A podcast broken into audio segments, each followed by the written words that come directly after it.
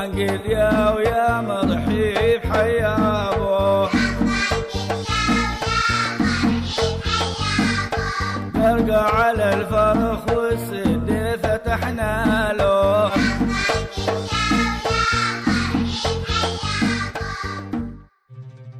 بائعي الألعاب مستعدين ومراجيحها اليوم وصلت أخيراً.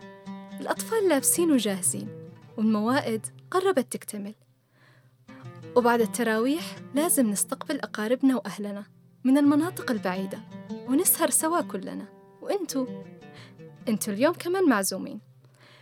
في ليلة من سلسلة ليالي مميزة تميز رمضان عن بقية الأيام وتتميز بها رمضانات حضرموت اليمن عن بقية البلدان. ليلة الختم اليوم عندنا وهذه ختايمنا.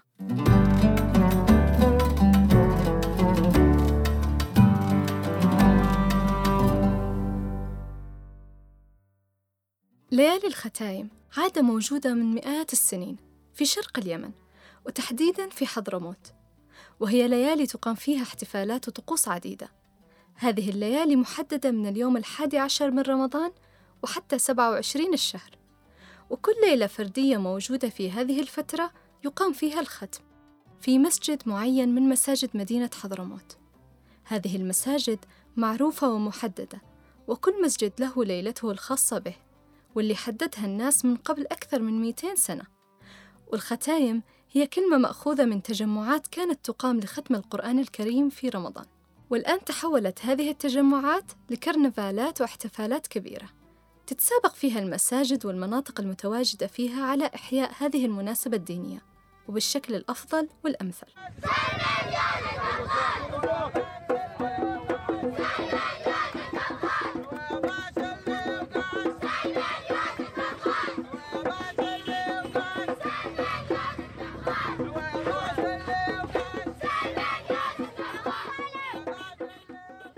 في المسجد اللي يستضيف ليلة الختم تقوم المنطقة الموجود فيها هذا المسجد بالاستعداد لليلة من وقت مبكر من النهار فيبدأ الباعة بفرش بضاعتهم على الطريق وأخذ أماكنهم استعدادا لبيعها وتنتشر المراجيح والجمال اللي يصعد الأطفال فوقها.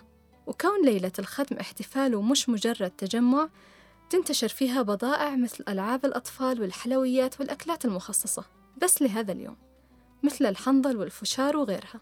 في عصرية يوم الختم تنطلق احتفالات وكرنفالات متعددة تجمع فيها الكبير والصغير تملاها أناشيد وأهازيج الأطفال وفرحتهم. وفي الأغلب يأتي الجميع كبارا وصغارا بملابس جديدة لها اليوم وكأنه عيد أما سكان المناطق المجاورة فيبدأوا بالتوافد إلى بيوت أقاربهم في هذه المنطقة وزيارتهم كصلة أرحام يزداد أجرها وروحانيتها في هذا الشهر الفضيل. وتسمى هذه الزيارات بالمشاهرة ويبدأ استقبال هؤلاء الزوار والأقارب ودعوتهم للإفطار اللي تعد العائلات المضيفة بكرم وسخاء بحسب مقدرتها.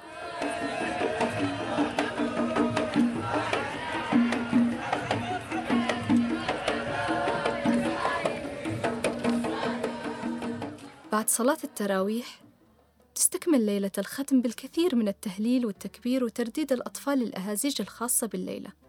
يجتمع الناس في المساجد ويبدأوا قراءة القرآن من سورة الضحى وحتى ختم المصحف. ويواصل الأطفال فرحتهم والاحتفال بالألعاب وترديد الأبيات الشعرية.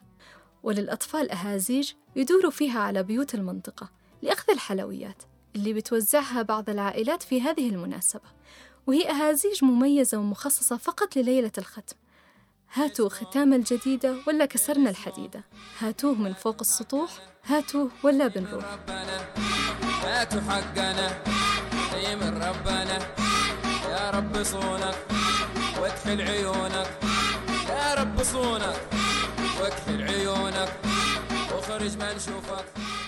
يذكر المؤرخين أن عادة الختايم وجدت في عهد الدولة الكسادية اللي حكمت حضرموت بقيادة الحاكم صالح بن محمد الكسادي في بداية القرن الثاني عشر للهجرة بطقوس صوفية.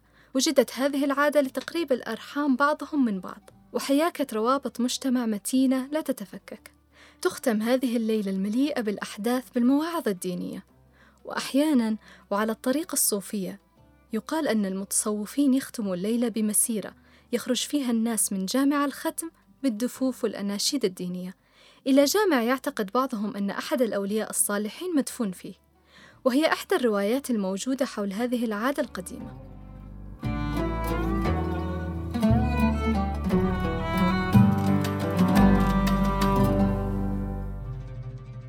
ونختم إحنا حلقتنا لليوم بصورة جميلة رمضان في مخيلتنا. ومخيلتكم اللي تصورت كل مشهد وكل جزء وكأنه موجود ونعيشه مع بعض الآن. لو كنتوا عشتوا أجواء الختايم من قبل شاركونا تجسيد هذه الصورة بتعليقاتكم على صفحتنا في مواقع التواصل الاجتماعي. والحلقة الثانية والأجواء وعادات وأطباق رمضانية جديدة. لنا لقاء قريب. سلام.